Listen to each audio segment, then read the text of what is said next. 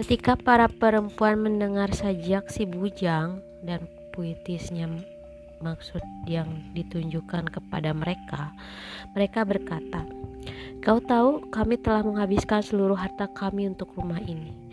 Sekarang, katakanlah, akankah engkau memberikan kami ganti sebagai bayaran dari hiburan yang kau dapat?" Tentu kami tak akan membiarkanmu hanya duduk menemani dan memandang betapa rupawan wajah kami tanpa memberikan bayarannya sebagai ganti. Tahukah kau patah ini? Tanpa harapan untuk memiliki, bukankah cinta tak layak menjadi benih?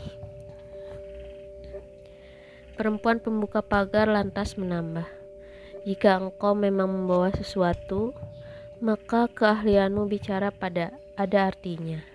Namun, jika engkau tak membawa apa pun, semua itu hanya omong kosong belaka. Kakak tertua yang biasa mengatur segala urusan di itu menyela adiknya dan berkata, Sudahlah saudaraku, berhenti menggodanya. Demi Allah, dia belum membuat kita kecewa hari ini. Dan bukankah ia telah menjaga kesabarannya dalam menghadapiku? Karena itu, apa pun yang menjadi tujuan dan upahnya, aku akan menanggung hal itu. Mendengar ucapan ucapan ini, Ujang Kulipangwo itu menjadi amat gembira. Ia bersujud di depan perempuan tertua dan mengucapkan terima kasih dengan berkata, "Demi Allah, uang ini adalah rezeki pertama hari ini." Ketika ketiga bersaudara kemudian berkata, "Duduklah dan selamat datang di rumah ini." Kakak tertua menambahkan, Demi Allah, kami tak akan membuatmu menderita saat bergabung bersama kami. Dengan satu syarat, jangan bertanya soal apa pun yang tak ada hubungannya denganmu. Dan ketidakpatuhan akan diganjar cambukan. Bujang Kulipangwo menjawab, Aku setuju, duhai nonaku. Akal dan perbuatanku akan patuh padamu. Lihatlah, aku orang bodoh. Aku tak punya lidah Perempuan yang ber, yang berbelanja barang di pasar kemudian bangkit dan mengencangkan tali korsetnya. Ia mengatur meja di dekat air mancur, meletakkan bunga bunga dan segala rempah-rempah manis dalam toples masing-masing. Ia juga menyaring anggur dan menyijirkan botolnya dengan rapi, serta mempersiapkan segala hal yang dibutuhkan. Selesai dengan pekerjaannya, perempuan itu lantas duduk bergabung menemani saudari-saudarinya. Di antara mereka, si pemuda kulit panggul duduk dengan sah, masih menganggap dirinya sedang bermimpi. Perempuan yang baru saja membereskan meja itu bangkit kembali dan mengambil guci berisi anggur. Ia menuangkannya ke dalam gelas dan gelas pertama itu lekas ia tandaskan. Begitu pula gelas kedua dan ketiga. Setelah itu, ia mengisi gelas keempat yang ia berikan kepada salah satu saudarinya. Kepada si pemuda kulit panggul, ia menyerahkan cawan berisi anggur sembari bersyair.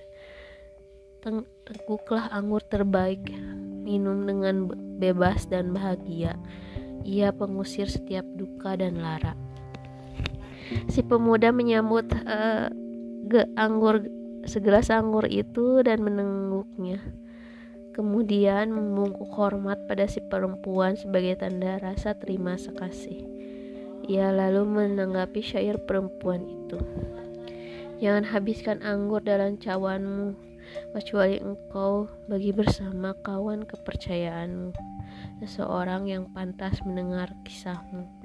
Budi baiknya kau pasti tahu, karena anggur bak musim gugur menghisap tandas manisnya musim semi, dan telanjanglah pepohonan.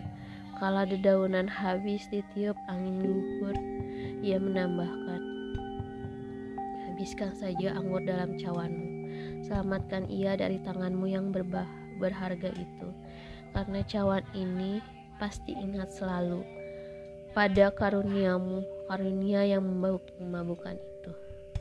Setelah melantunkan syair ini, si pemuda menciumi tangan ketiga saudari itu satu persatu. Ditenggaknya lagi uh, gelas berisi anggur, lagi dan lagi, sehingga ia berjalan sempoyongan sambil melantunkan syair. Darah bercampur kamar najis hukumnya, tapi tahan sejenak. Simpanlah satu cawan, cawan yang menampung darah anggur. Tuang, tuangkanlah, ambillah semua kekayaanku, baik yang diwariskan atau aku menangkan. Tak ada ragu untuk meneng gagak juga menjilat, bahkan tebusan diserahkan demi menengguk anggur secawan. Kemudian, perempuan pembeli barang pasar itu menuangkan segelas anggur dan mempersembahkannya kepada perempuan pembuka gerbang. Terima kasih ia ucapkan kepada perempuan kedua dan diminumlah anggur itu. Setelah itu, Perempuan yang berbelanja menuangkan kembali anggur itu ke dalam gelas dan memberikannya kepada saudari tertuanya yang duduk di tipan. Segelas anggur kembali disajikan, kali ini untuk si kuli panggul. Pemuda itu bersujud di hadapan tiga saudari dan meminum bagiannya serta berterima kasih. Ia lantas kembali bersyair. Datanglah kemari, demi Allah datanglah Duhai engkau segelas darah yang manis, tuang sampai meluap dari gelasku. Duhai air mata yang selalu kudamba. Ujang kulipangu itu segera berdiri di hadapan ketiga saudara dan berkata, Oh nona, aku adalah budakmu, mamluk milikmu, tawa menahanmu, hambamu yang patuh. Ia mulai bersyair kembali. Aku budak dari segala budak, berdiri tepat di depan pintumu, mengagumi kerendahan hatimu, juga melimpahkannya pemberianmu. Indah, sejenak gembira ia ber, ia dengan bertamu, karena pesonamu tak ada perpisahan baru antara cinta dan aku. Salah seorang perempuan itu berkata padanya, "Minumlah karena kesehatan dan kebahagiaan terkandung dalam minumanmu. Jadilah ia mengambil kembali segelas anggur dan mencium tangan perempuan itu serta melantunkan syair. Kamar kuberi pada perempuan itu. Anggur tua yang mengemari pipinya dengan rona atau nyala merahnya dari tungku yang berkobar apinya. Ia cium tepi gelas yang meluap isinya dan dengan segala limpah senyumnya ia berkata, Bagaimana bisa kau berani berurusan dengannya? Dengan orang yang kau suruh minum anggurmu. Minumlah, kataku. Anggur ini adalah air mataku. Rasanya adalah desir darah jantungku, darah yang mendidih dalam segelas anggur. Perempuan itu membalas si pemuda dengan melantunkan sebaik syair. Segelas air mata darah kawan telah kau curahkan untukku. Derita bagiku telah menyisapnya, semenderita mata dan pikiranmu. Kemudian perempuan tertua mengambil segelas anggur, menengguknya untuk merayakan kesehatan saudari-saudarinya. Mereka enggan berhenti minum, termasuk si kuli panggo yang berada di antara ketiga saudari itu. Mereka berdansa, tertawa, bersyair, dan bersenandung serta saling membalas nyanyian. Selama kegiatan itu berlangsung, si kuli panggung mengikuti apa yang ketiga saudari itu lakukan. Mencium, meraba, menggigit, menggenggam, rogoh, dan bermain dengan jemari mereka. Salah satu dari ketiga perempuan itu memasukkan potongan kecil kue ke mulut si kuli panggul. Saudari kedua menepuk-nepuk pipinya, sementara saudari ketiga menampar pipinya. Pemuda itu merasa dirinya berada dalam kenikmatan surga. Ia pikir dirinya sedang duduk dikelilingi bidadari yang selalu perawan di surga. Lapis ketujuh. Mereka tidak berhenti melakukan kegiatan tersebut sampai anggur memabukkan dan melemahkan akal. Segera setelah mereka sedikit sadar dari mabuk, perempuan yang membuka pagar menanggalkan pakaiannya tanpa ada sehelai pun yang tertinggal. Ia menggerai rambut panjangnya menutupi tubuh dan menceburkan diri ke dalam kolam air. Ia bersenang-senang dalam air dan menyelam seperti angsa. Kepala kepalanya naik dan terbenam dalam air. Ia lantas menyemburkan air ke tubuh si kuli panggul, membuat pemuda itu basah di sekujur tubuh. Perempuan itu juga basah. Perempuan itu juga membasuh tubuhnya sendiri dan bagian di, da di antara payudaranya, di antara kedua pahanya dan di sekitar pusarnya. Setelah itu, saudari tertua yang paling cantik melucuti pakaian dari tubuhnya. Saat yang sama, si panggung memegangnya, mengusap dan menyabuni tubuhnya sembari berseru, "Tubuhku sedang menuju Allah." Perempuan yang telah menanggalkan semua pakaiannya itu lantas turut menceburkan diri ke kolam. Ia berenang, menyelam, bermain air dengan riang serta membasuh tubuhnya. Si pemuda memandang tubuh polos perempuan itu seperti ia sedang memandang bulan sabit, serta memandang wajah si perempuan seperti ia sedang melihat bulan purnama. Begitu lekatnya pandangan si pemuda pada perempuan itu, seperti ia sedang sabar memandang langit fajar, perlahan menjadi terang. Ia rekam dalam ingatan keindahan postur dan bentuk tubuh perempuan itu serta anggota tubuh si perempuan yang menggigil karena kedinginan.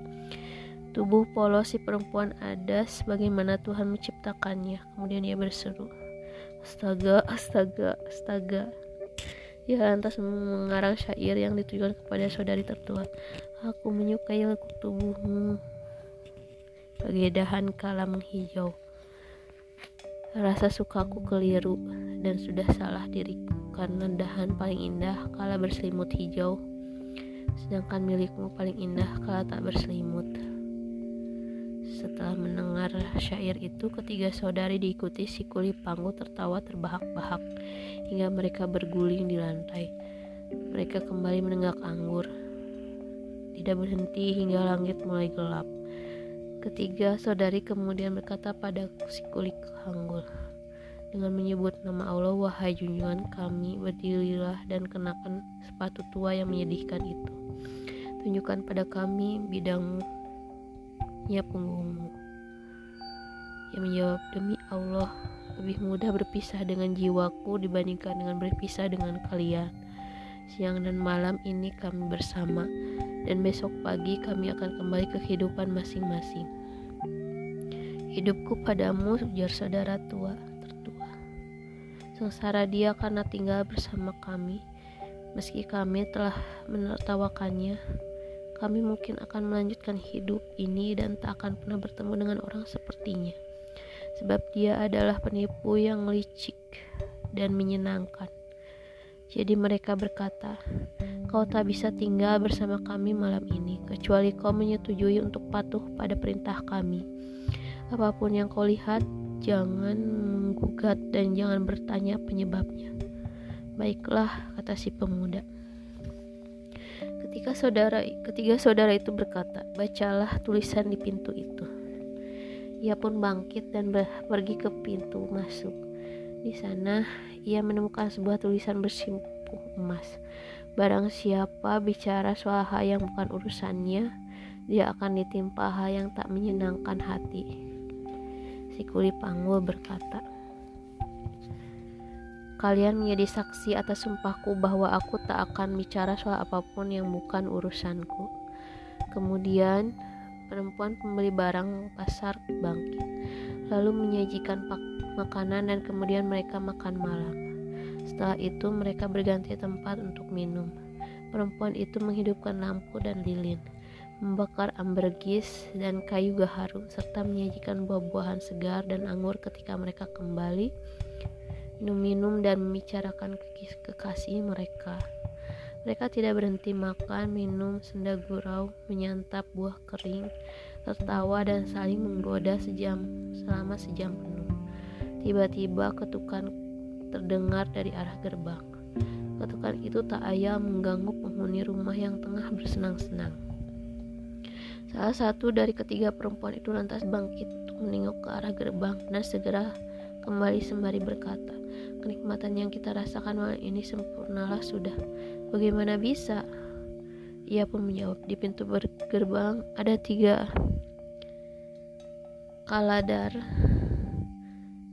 asal Persia. Rambut, alis, dan jenggot mereka dicukur bersih. Ketika kalandar itu sama-sama buta mata kirinya, yang tentu saja aneh. Mereka mengembara dari negeri Romawi. Dari penampilannya, mereka jelas pendeta miskin. Ketiganya baru saja memasuki Baghdad. Saat itu adalah pertama kalinya mereka berkunjung ke kota ini. Ketukan mereka di pintu kita tak lain karena mereka sudah putus asa mencari tempat bermalam. Ia menambahkan, Salah seorang dari mereka akan berkata padaku, "Bersediakah pemilik rumah ini menampung kami untuk malam ini saja?" Datangnya malam telah menyurutkan nyali ketiga kalender itu untuk melanjutkan perjalanan tak lain karena mereka adalah orang asing di tanah ini. Mereka tak kenal siapa pun yang rumahnya dapat dipakai bermalam. Dan wahai saudariku, ketiga kalender itu masing-masing punya penampilan aneh. Jika kita mengizinkan mereka bermalam, kita akan punya bahan mesendagro yang menyenangkan.